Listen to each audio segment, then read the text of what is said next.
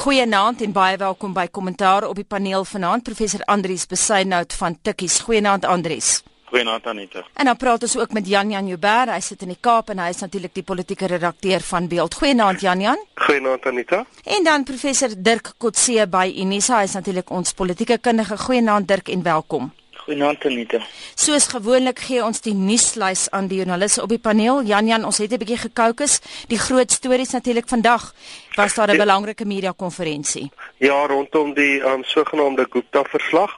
Daardie verslag sal in die week bekend gestel word, maar daar was reeds interessante dinamika gewees op die nuuskonferensie.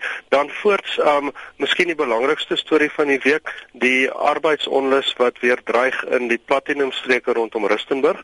Dan het ons die um vonnis gehad van J Arthur Brown in die Fidentia groep hier in die Kaapse Hooggeregshof waar sommige mense meen hy het 'n bitterligte vonnis gekry. En dan in die buiteland, Suid-Afrika se president meneer Zuma het 'n sterk afvaardiging gelei na Rusland kort nadat die Nigeriese president Goodluck Jonathan hier was. In Sirië het ons gesien dat die nasionale koalisie vir Siriëse revolusionêre en oppositie magte, wat altyd sulke lekker kort name, het um, nou tot stand gekom, maar in die VN het Suid-Afrika oor daardie kwessie buite stemming gebly en dan het ons 'n noodtoestand gesien wat in Nigeria afgekondig is met um, dreigende geweld tussen Christene en Moslems daarso. Kom ons begin by die Gupta saak. Die belangrike nuus natuurlik vandag is dat die minister van Justisie Jeff Gadebe sê dat die regering se ondersoekspan wys die vinger na amptenare by die Uniese Hoogkommissariaat. Maar vir my dan nie vreeslik baie uit die konferensie uitgekom nie. Ek gaan vir 'n oomblik by jou bly. Jan Jan jou kommentaar. Ja, ek dink daar twee goed uitgekom. Die eerste is dat alle detail wou die ministers nie beantwoord nie want die um hulle het basies alles afgeskuif op hierdie verslag wat hulle sê voor die einde van die week bekend sal wees. En dan die tweede ding wat aangekondig is wat vir my interessant was, is dat hulle nou dit 'n regulatoriese oortreding gaan maak of 'n wetsoortreding. Hulle was nie baie duidelik nie, maar as jy in die staatsdiens werk en jy gebruik enige bekende se naam en hulle sal dit behoorlik moet definieer in hulle regulasies of in hulle wetgewing wat jy nou gebruik om jou sin te kry of om te probeer dat die reëls gebuig word. En ek dink dis 'n wonderlike wonderlike verwikkeling. Dirk en dan is die skuld ook gepak weer eens op Bruce Koloane en uh, Christine Anderson. Ja, die die benadering wat die regering volg het glad nie verander nie. Ek dink wat hulle met hierdie proses nou probeer het is om eintlik hulle posisie te versterk of verdiep of um, te konsolideer, nie rond te spring in verskillende groeperings of persone of instansies die skuld te probeer gee nie. So die die amptenare word die swart skape. Dis die persone wat wat lyk met die, die skuld gaan dra dwars deur. En dan natuurlik, ek dink die punt wat baie sterk in hierdie perskonferensie uit weer weer eens uitgekom het is die feit dat die te sê president Zuma is glad nie by dit betrokke nie en selfs die ministers is glad nie daarbey betrokke nie. So daar's geen uitvoerende verantwoordelikheid wat geneem word vir hierdie gebeure nie. Um, en ek dink miskien moet mense net die konteks opstel en dit is dat Die afgelope naweek naweek het die nasionale uitvoerende komitee weer bymekaar gekom en ek dink die rede hoekom hulle vandag die perskonferensie gehou het is juis om te sê wat dit is die gevolg van die bespreking by die nasionale uitvoerende komitee. En ek dink die idee wat hulle probeer skep is deur te sê hulle beskou dit as so belangrik of so van nasionale belang dat hulle selfs op 'n Sondag so 'n perskonferensie sal hou. Wat ek dink nie noodwendig die geval is nie, maar dis 'n idee weer eens om te sê die regering probeer soveel as moontlik die saak aanspreek, maar terselfdertyd dan sê um, die minister uh, Jeff Gadebe wel nou weet ons waterstoof is nie 'n nasionale sleutelpunt nie.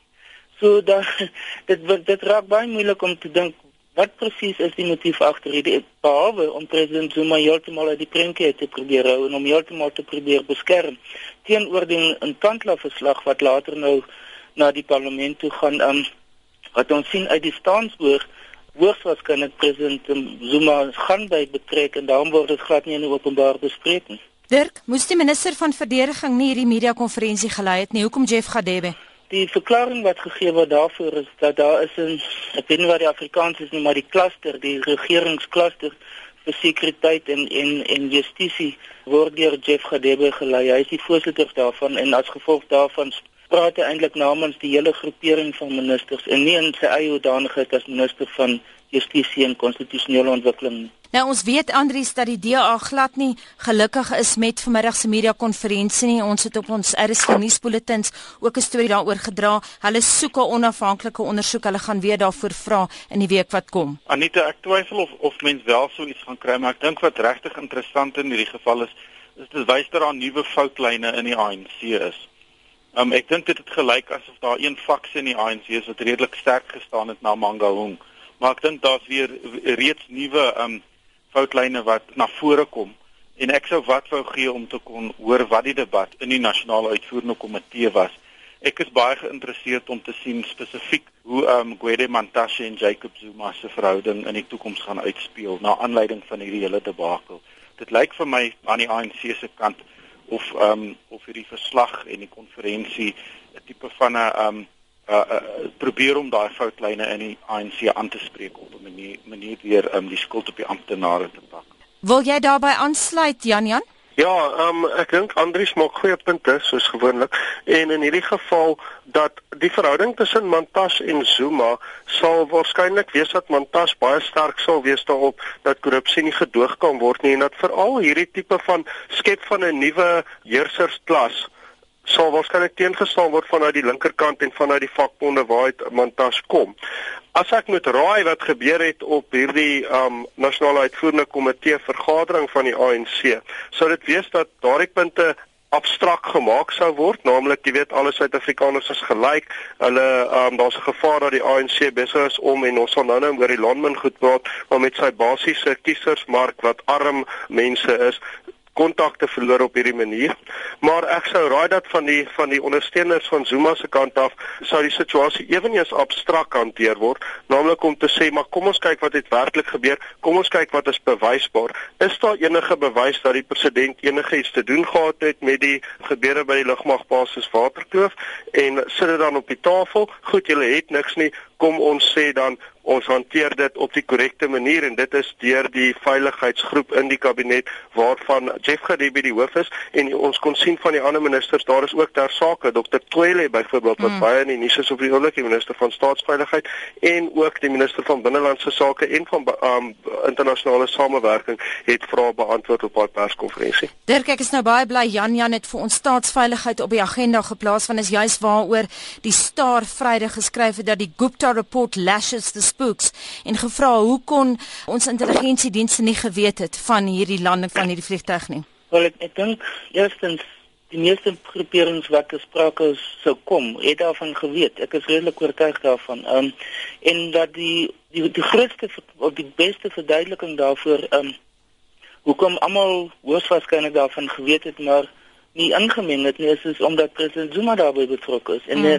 en omdat daar die, die aanname gemaak is wel hy is hy is self bewus van hierdie situasie en dit dra sy goedkeuring en as die president van die land en daardie tipe van standpunt huldig wie is 'n minister of 'n direkteur-generaal of 'n senior amptenaar of 'n generaal by die lugmagbasis om teen te staan of om te sê dat dit onprosedureel is van aard. So ek dink dis die essensie van die saak en ek dink dit weer eens die leemte van die huidige proses wat besig is om te ontvou is dat die dit word in wat ek van tevore al genoem het 'n hoofsaaklik prosedureel legalistiese vraagstuk. Van is die prosedures gevolg wie was betrokke wie het goedkeuring gegee wie het nie goedkeuring gegee nie was dit in terme van die prosedures terwyl die essensie van die saak is dat die Guptas kon dit net doen omdat hulle vriende van president Zuma was. En op grond daarvan en dit is welkom hierdie sogenaamde name dropping wat name gebruik word en wat nou 'n nuwe dimensie is wat Jeff Gedebe nou ingebring het. Mm. Ek dink dit is hoekom hulle probeer om dit nou te gebruik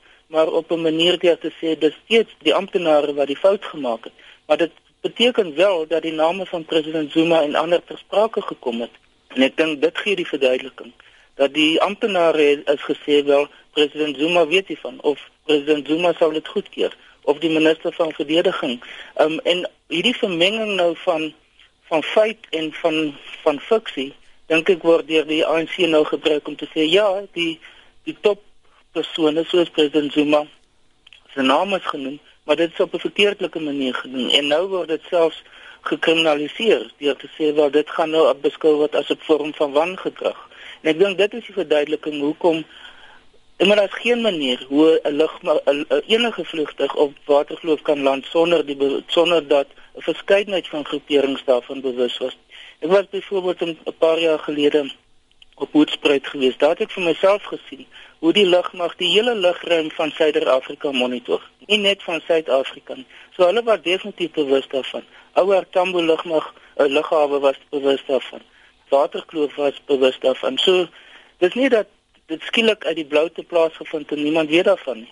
Andries, ek het nie van jou vergeet nie, maar ek wil net vir 'n oomblik by Dirk bly. Hoe sou jy die regering se hantering van die twee sages, Gupta Gate en Nkandla Gate, met mekaar vergelyk? Ek dink die, die groot verskil tussen die twee is, is weer eens tot watter mate president Zuma moontlik geïmpliseer kan word in die situasie. In die geval van die waterkloof is dit nou duidelik dat die blame al, alles geplaas word op die skouers van die van die amptenare en hulle gaan tot 'n groot mate ek dink die straf moet dra of die die blame moet dra vir hierdie situasie. En dit en ook word dit gesien as iets wat soos ek gesê het 'n prosedurele wangedrag was as mense dit so kan stel. Terwyl die Nkandla situasie is radikaal anders. Men Nkandla as nedersetting of as as woongebied van president Zuma gaan uiteindelik is dit privaat eiendom en dit gaan nadat hy president is gaan steeds sy privaat eiendom wees. So of hy wil of nie, dit raak sy persoonlike belange direk. Die verbetering in dit wat daar gedoen is, gaan dus tot sy persoonlike voordeel wees uiteindelik. Teenoor in die geval van die waterkloof situasie, kan hy sê wel ek is vriende met die met Gupta's maar hy distansieer homself van die aksies wat geneem is en daarom kan hy sê wel dit was nie dit het nie my persoonlik bevoordeel uiteindelik nie. Net vinnig na jou toe Andries, ons sien nou dat Tuli Maronsela donderdag gesê dat sy uh, eers die verslag van die DG's wil sien voordat sy besluit oor 'n klag van die DA kan neem. Wat dink jy kan ons verwag van haar? Dit lyk of sy ook onderskoot is op die oomblik, Anita. Ek dink die verkiesing kom nader. Daar's baie negatiewe punte, maar ek dink daar is wel iets positiefs moontlik wat hier aan die gebeur is. Dit is dat groeperinge in die ANC besig is om lyne te trek vir die president. Ehm um, voor Mangaung was daar die geval van van die Guptas wat geweet het wie in die kabinet gaan wees voor die kabinetslede dit self geweet het wat wel op 'n ANC en die K vergadering uitgewys is. En dit lyk vir my of die ANC nou begin dit kan die verkiesing wat aankom en dat daar wel groeperinge is wat bekommerd is oor die party se slaggereedheid vir 'n verkiesing. Kom ons beweeg aan na Marikana toe net weer 'n herinnering aan luisteraars. Ons kies nie sommer net uh, ons deelnemers luk raak nie. Hulle word gekies omdat hulle spesifieke inligting het en Marikana en die stryd tussen AMKU en NEM is natuurlik absoluut Andries besit net so kos. Andries, ons het nou baie gebeure gesien hierdie week. Ons het 'n onbeskermde staking van 2 dae gesien. Ons het gesien dat daar geweldige probleme is tussen AMKU en natuurlik NEM. Kommentaar van jou kant af. Anita, ek dink daar's 'n hele paar faktore wat 'n rol hier speel. Um een in die veld van arbeidsverhoudinge wat ek wil noem is dat die kwessie van 'n van 'n sentrale bedinging vir platinum in die kamer van mynwese word steeds bespreek.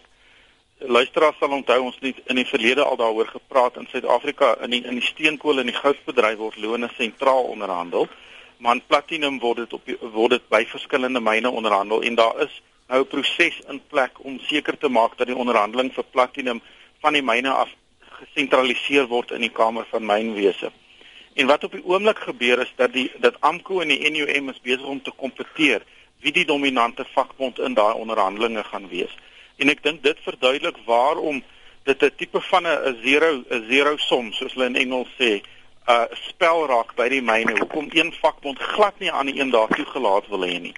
Um en en en dit gaan ook dis baie soos die parlementêre um, stelsel hoe die erkenning van vakbonde werk in hierdie kollektiewe bedingingsprosesse. 'n Mens kan 'n meer eh, 'n tipe van 'n proporsionele model hê soos wat ons in die parlement het. En dit is waar meerderheid vakbonde erken word. Maar op die oomblik in Suid-Afrika wat ons in die meeste gevalle gevalle het, is soos 'n kiesafdelingsstelsel waar slegs die party wat byvoorbeeld dan 'n 'n myn wen verteenwoordig word. En dis hierdie spanning wat uitspeel in arbeidsverhoudinge en ek is regtig bekommerd dat die regering en verskillende partye soos Nedlac waar die goed onderhandel moet word en die raamwerk daarvoor geskep moet word nie vinnig genoeg beweeg om hierdie om hierdie probleme um, aan te spreek nie. Andries, hoe sou jy dit ontlont? Ek sou regtig 'n um, 'n Nedlac tipe proses wou gehad het waar die waar mense uh, besluit dat die platinum bedryf in Rustenburg van nasionale belang is En dat mense dit nie net aan die partye kan laat nie dat hierdie 'n nasionale gesprek is. So in die eerste plek moet ons almal daaroor praat en hierdie kwessies moet moet 'n nasionale debat vorm waar nie net die NUM nie, maar die hele COSATU en Fedusa uh, waarvan van die ander mynvakbonde geaffilieer is en NACTU by wie AMKU geaffilieer is. Hulle almal sit in Netlek. En en daar kan 'n mens dan die gesprek uit Rustenburg op 'n nasionale vlak neem en en dit debatteer. In die tweede plek die departement van arbeid dink ek is heeltemal te stil. Um in in die hele kwessie die CCMA het hulle deel gedoen tot nou toe. Maar ek dink regtig hierdie um op 'n baie praktiese vlak kan 'n mens hierdie kwessies van arbeidsreg en arbeidsverhoudinge op 'n baie dringender basis aanspreek. Nou Suid-Afrika is vir die derde agtereenvolgende maand in Mei as die ongewildste beleggingsbestemming onder die groot ontluikende markte bestempel volgens 'n gesamentlike peiling deur Bank of America en Merrill Lynch. So alles wat uh, tussen die vakbonde gebeur en by Marikana gebeur het natuurlik 'n finansiële impak op Suid-Afrika en vir Suid-Afrika. Jan Jan, kommentaar van jou kant af. Ja, ek meen um, die verliese wat ons land verlede jaar as gevolg van hierdie tipe ding gelei het was eintlik asembenemend en dit het 'n baie groot effek op ons groeikoers dink ek in die middeltermyn nie net nou nie. En wat frustrerend is is dat ten spyte byvoorbeeld van 'n relatief hoë goudprys dat daar geen investering in ons mynbedrywe plaasvind van enige groot omvang nie um die geleenthede daarvoor behoort daar te wees. So wat 'n mens mis van die regering en dis natuurlik een van die foutlyne waaroor Andrius ons baie meer sal kan vertel as wat ek weet.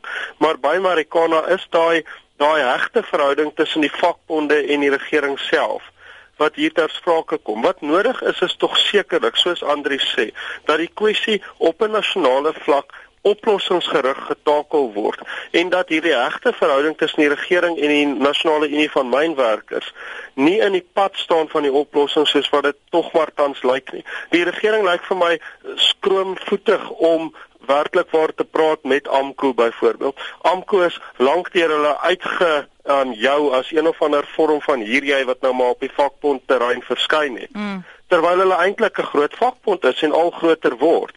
En um, wat vir my pla in verband met al hierdie dinge rondom Rustenburg, rondom Marikana, van die eerste dag af en luisteraars sal dit onthou, was die ding wat my gefassineer het hierdie toordokter wat nou sogenaamd deur die um, regering aan die begin daarvoor geblameer is dat hierdie kwessie hande uitgeruk het en wat nou onlangs oorlede is in hoogs verdagte omstandighede in die Transkei tot miskien niemand van ons wat sinies is so groot verrassing nie. Mm. Maar dit was deel van die demonisering van AMKU. En wat nodig is hier is wat Andri vra, een of ander vorm van nasionale proses, miskien netlik, miskien iets anders, maar dat die regering eerlikwaar sê dis nie net platinum nie, die hele mynbedryf op hierdie stadium stagneer en eers moet daar uitkoms kom. Eers moet daar deur 'n weier tipe van dink, deur 'n besef dat dit 'n nasionale vraagstuk is, een of ander oplossing gevind word. Dirk, kommentaar van jou kant af? Ja, ek dink die, die groot probleem op die oomblik is die feit dat hierdie situasie eintlik 'n by implikasie in politieke situasie ons in in dat byvoorbeeld die NUM word gesien as deel van die ANC alliansie en AMKU as as 'n opponent, as 'n politieke opponent. Die feit dat hulle nou by NACTU is beteken dat hulle ook polities nou anders geaffilieer is. Ehm um, en dit beteken as mense byvoorbeeld terugkyk dink na die 1 Mei, die Meidag viering verjaar, hmm. was die die oorgrootste meerderheid van toesprake wat deur Cyril Ramaphosa of Gwede Mantashe of wie ook al ge, gelewer is, het gegaan oor die kompetisie tussen die NU en en, en, en NACTU uh, en AMKU. En dit binne 'n politieke konteks geplaas. So dit maak dit onmoontlik vir die regering om as 'n fasiliteerder of as 'n mediator in hierdie situasie te kan optree omdat hulle gesien word dat hulle aan die kant van die NUM is. So die ek dink dis die een punt is is dat die die mynwese en al die vakbonde binne die mynwese is nou so gepolitiseer dat dit is dis eintlik nou 'n politieke oplossing wat nodig is in steede van 'n 'n myn en 'n vakbond oplossing of 'n arbeidsverhouding oplossing. Ek dink die die tweede punt wat belangrik is is dat die die mynbedryf in die algemeen is is onderdruk in Suid-Afrika. Nie as gevolg van die vakbonde en die stakings maar as gevolg van die feit dat dit 'n kleiner en kleiner bydrae tot die Suid-Afrikaanse ekonomie lewer. Byvoorbeeld die goudmyne in die volgende 20 jaar gaan die goudmynbedryf uitgedien wees. Die platinum en steenkoolbedryf is besig om nou meer prominent te word, maar die mynbedryf in die algemeen dra net 6% tot die nasionale tot die bruto nasionale produk van Suid-Afrika by. So dit is relatief klein. Ehm um, en terwyl ander dele ander sektore van die ekonomie baie meer floreer. So die die, die daar's meer druk op die mynwese. Ehm um, daar's druk op om kostes te bespaar, daar's druk om nuwe uh, werksgeleenthede te skep teen 'n hoë produktiwiteit. En dit alles maak dit baie moeilik. Dit en daarom sê ek dat die die mynwese in 'n groot mate in 'n krisis is en dat dit nie die toekoms van die Suid-Afrikaanse ekonomie is nie, maar eintlik die laaste gedeelte van die Suid-Afrikaanse ekonomie van die 19de en die 20ste eeu wat ons nou beleef. En ek dink saam daarmee is die die krampe en die die pynne van die afsluiting van 'n proses waarin die mynbou die die dominante faktor in die Suid-Afrikaanse ekonomie was.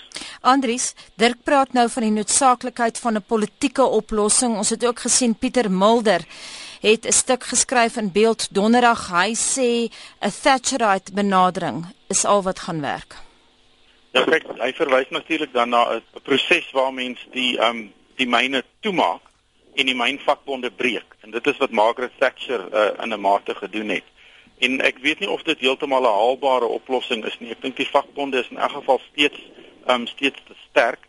Wat my baie bekommer Anita is as ons net vir 'n oomblik ook oor oor wat in ehm um, Anglo Platinum uh, gebeur kan praat is die van die van die dreigings om te staak daar was nie AMKU of NUM nie maar werkers wat heeltemal sonder vakbonde optree met ander woorde met werkerskomitees en ek dink um 'n mens besef wat die waarde van vakbonde is eers as hulle in duie stort.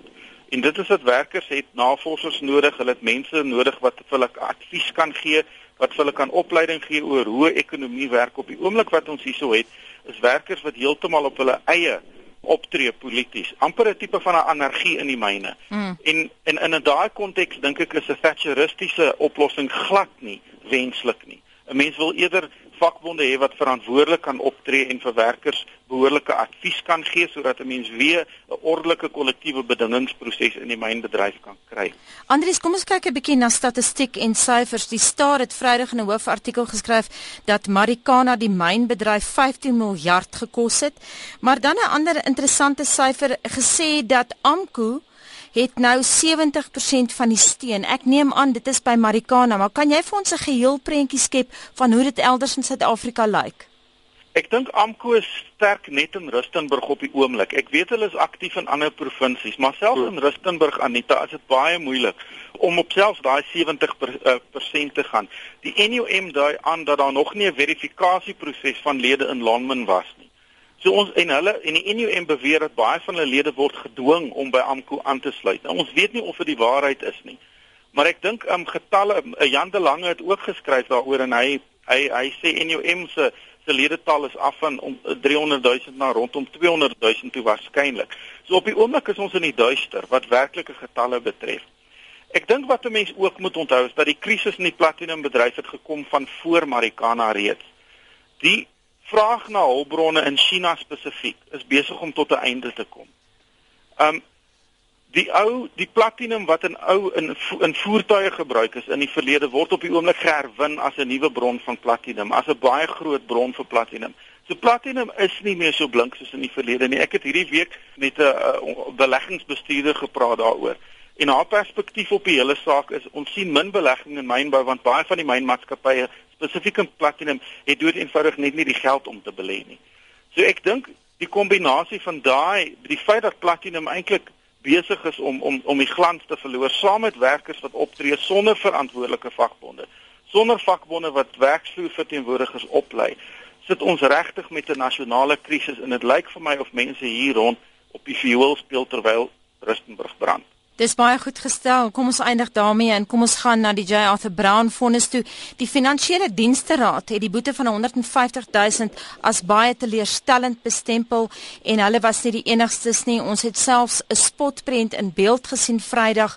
150 000 vir Fidentia Bas, 230 000 vir vloekende stormers. Kom ons gaan na jou toe Dirk. Ja, ek is nou nie 'n kundige op hierdie gebied regtig nie. Ek ek dink ehm um, dit wat mense in die media gesien het oor hierdie saak en en die geskiedenis wat dit het, um, beteken dat 'n groot klomp mense en ouer mense en mense wat wat hulle pensioengeld vir hierdie beleggings gegee het, um, dat hulle geen inkomste meer het nie. So die sosiale impak daarvan is definitief iets wat uh, wat baie negatief was en ek dink daar was 'n verwagting dat dit 'n voorbeeld moet wees hierdie uitspraak van hoe mense potensiële beleggers ontmoedig moet word om enigsins te dink dat hulle sulke tipe van gedrag aan uh, aanvaarbaar sou wees of dat hulle daarmee sal kan wegkom. So ek dink in die algemeen gesien sal mense sê wel hierdie uitspraak lyk baie lig, dit lyk asof um, hy weggekom het met met baie of, of baie lig weggekom het van dit en uh, en dat dit nie noodwendig die negatiewe impak gaan hê op toekomstige beleggers wat miskien dieselfde tipe van planne het nie of dieselfde tipe van praktyke pleeg nie. En ek dink in daardie opsig is dit waarskynlik so ek sê is dit jammer dat dit uh, plaasgevind het dat dit so 'n letterlik ligte vonnis is. Jan Jan Beeld het prominensie gegee aan die feit dat regter Anton Veldhuisen gesê het as die feite wat die getuie voorlê korrek is dan is iets groot fout en ek kan nie anders as om te dink dat die aanklaer die saak swak hanteer het nie. Ja, ek kan jou een ding sê in verband met daai spotprent, daar is 'n klomp vloekende stormers ondersteuners hier in die Kaap na die uitspraak van J. Arthur Brown. Want ja. ehm um, daar's net 'n gevoel hier rond dat dit 'n skreiende uitspraak is. Nou natuurlik word mense gekonfronteer met die die juxtaponering daarvan dat ons moet altyd die regbank ehm um, Jy weet ons kan nie die regbank soms aanvaar en soms nie. Mm. So die uitspraak is gelewer, maar wat my opgewonde maak is dat die nasionale metaalwerkers unie kyk daarna om die saak verder te voer. Um dit lyk nie dit lyk nie asof Jayal verbrand wat nie tot op die allerlaaste enige berou of enige erkenning getoon het vir wat hy gedoen het nie dit wil net nie voorkom asof die verwagte vonnis opgelees nie. Um dat die staat die saak blykbaar baie swak hanteer het en dat die nasionale vervolgingsgesag vra het om te beantwoord soos wat ek dink sit die pres ook vanoggend sê in hulle hoofartikel, dan dink ek uh, die regter se uitspraak moet behoorlik bestudeer word, saak moet verder gevoer word en 'n sterker poging moet aangewend word om hierdie persoon te vervolg. Ja, Andries uh Jan Jan verwys nou na City Press, maar die Citizen het ook geskryf dat uh, it would be an understatement to say that justice was not done.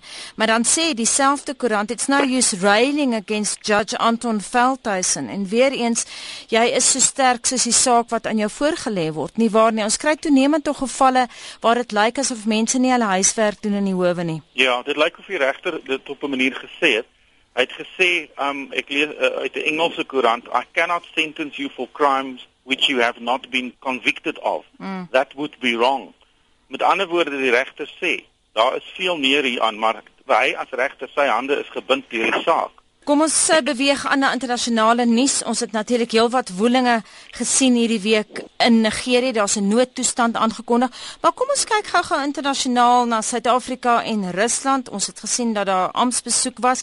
Vinnig na jou toe Dirk as politieke kommentator, lyk dit vir jou asof die twee lande nader aan mekaar beweeg? Ja, daar is 'n verskeidenheid van ooreenkomste weer geteken en dit volg op die besoek nie baie lank gelede nie van eh, president uh, Putin hier hier uh, tydens die BRICS beraad. So dit is 'n groot mate vol uh, opvolg daarvan.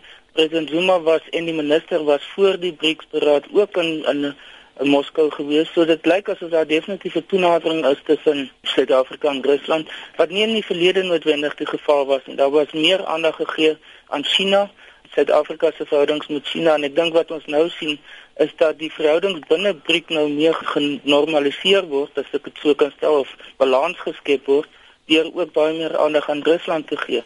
Rusland is natuurlik belangrik vir lande of situasies soos byvoorbeeld Sirië. Mm. Om die Siriëse situasie enigstens te kan aanspreek, moet jy die ondersteuning van Rusland hê. En ek dink dis een van die moontlike redes, maar daar is ook byvoorbeeld daar is nou ooreenkomste geteken oor verdedigingsaspekte, oor energieverskaffing tussen hmm. twee lande. So dit dit raak 'n verskeidenheid van aspekte wat ek dink bedoel is om 'n meer breed gebaseerde bilaterale verhoudings tussen die twee lande tot stand te bring. Dirk, ek sê bly jy verwys na Sirië. Ons het ook hierdie week gesien dat die Russe aandring daarop dat Iran ook moet betrokke wees by samesprekings in terme van Sirië. Ja, ek, ek meen as jy mens kyk na die hele situasie binne die Midde-Ooste, dan is die verhouding tussen Sirië en Iran wat dan lei na die verhouding in Libië met spesifiek Hezbollah is van deurslaggewende belang. Ehm um, die verhouding tussen Iran en president Assad is ook is 'n ou verhouding met die familie. Ehm um, en ek dink as daardie verhouding gebreek kan word tussen Iran en en uh Assad dan gaan dit tot 'n mate die oplossing kan wees vir die, die huidige situasie. Maar Rusland is het 'n baie sterk verhouding hou te militêre basis of 'n vlootbasis in Sirië en dit skep die die, die skakeling tussen Rusland, Iran, Sirië en uiteindelik Libanon wat dan gesien word as eintlik die frontlinie teen Israel want uiteindelik as jy mens na alles die groot prentjie kyk, is die polarisering is tussen Iran en Israel en Sirië en Libanon is soort van die tussenskakels in daardie situasie. Nou ons het ook gesien hierdie week dat die VN se algemene vergadering 'n Arabies gesteunde voorstel aanvaar het wat die toename van geweld in Sirië veroordeel. Suid-Afrika een van 57 lande wat buite stemming gebly het weens kommer oor balans En die voorstel was natuurlik dan ook die totstandkoming van 'n nasionale koalisie vir Syriese revolusionêre en oppositie magte wat verwelkom is. Jan Jan, ek weet jy voel sterker oor dat ons buite stemming gebly het. Ja, ek kan eerlikwaar nie begryp dat ons dit so gereeld doen nie. Um Suid-Afrika gee hom uit om 'n groot speler op die wêreld verhoog te wees. Maar ons vermoë om die regte kant te kies is vir my verdag. Ek bedoel, ons sit dikwels op die draad en wanneer ons kant kies, is dit dikwels vir die vir die ou wat reg op die punt staan om in die boksgeveg uitgeslaan te word en dan slaat ons vinnig oor die oomblik wat hy uh, vervang word neem byvoorbeeld die Sentraal-Afrikaanse Republiek Libië en etlike ander voorbeelde dan word ons sommer die beste vriend van die nuwe ou. So ek dink dit is weer eens aanduidend daarvan dat as ons uh, departement van internasionale samewerking 'n morele kompas het net ek eerlikwaar in watter rigting dit wys nie. Miskien dalk ook Andries aanduidend van 'n buitelandse beleid wat nie deurdag of gefundeer is nie of dood eenvoudig in Suid-Afrikaanse belange gefundeer is. Daar's 'n skool van denke in internasionale verhouding, die realistiese skool. Ehm um, as ek my teorie reg onthou wat sê dat buitelandse beleid gaan nie oor 'n morele kompas nie, maar oor belange. En vir Suid-Afrika as daar belange in Rusland wat gaan oor platinum en die moontlikheid van 'n kartel, alhoewel ek baie skepties is oor daai idees. En dat Suid-Afrika dan eerder saam met Rusland sal gaan in so 'n geval om daai belange te beskerm. So 'n mens moet realisties oor die goed wees, maar dit is half jammer want 'n mens sou dink Suid-Afrika na die stryd teen apartheid, na al die uh, internasionale hulpbronne wat daarin ingegaan het dat Suid-Afrika ander tipe van koers sou inslaan. Dirk, jy's die politieke wetenskaplike op die paneel, morele kompas of belange? Wat nee, bepaal nee, buitelandse beleid? Ek dink in hierdie geval gaan dit oor belange. Ek nou ek het nou net verwys na Rusland Iran, ek dink daardie twee lande se belange vir Suid-Afrika het op die oomblik 'n groot rol gespeel. Ander belange wat aan die ander kant is, is onder andere die Turkse belange. Die Turke is op die frontlinie teen Sirië op hierdie stadium. Suid-Afrika het baie nou verhoudings teestaan met Turkye, so dit lyk asof daardie verhoudings nog steeds minder geld op die oomblik as die verhoudings met Iran en met Rusland. So dit lyk my asof veral die Russiese teenwoordigheid of die die rol wat die Russiese belange speel op hierdie stadium meer belangrik was as die ander. Ja, ons kan nie vanaand by Nigerië uitkom nie. Ons het eenvoudig nie tyd nie. Ek het toevallig gister met Willie Breitenberg gesels en hy het vir my gesê hy dink nie die noodtoestand gaan gou opgehef word nie en indien nie, sal ek sien dat hy volgende Sondag of ek sal hom vra dat hy so, volgende Sondag aan die paneel deelneem. Baie dankie aan professor Andrius Besuinout van die departement sosiologie by die Universiteit van Pretoria. Dankie vir jou insette Andrius. Dankie Anita, dankie kollegas. En baie dankie Jan Jan Joubert dat jy ten spyte van jou kwaai griep kom saamgesels het. Groot voorreg, baie dankie Anita. En baie dankie aan professor Dirk Coetzee van Unisa. Baie dankie Anita.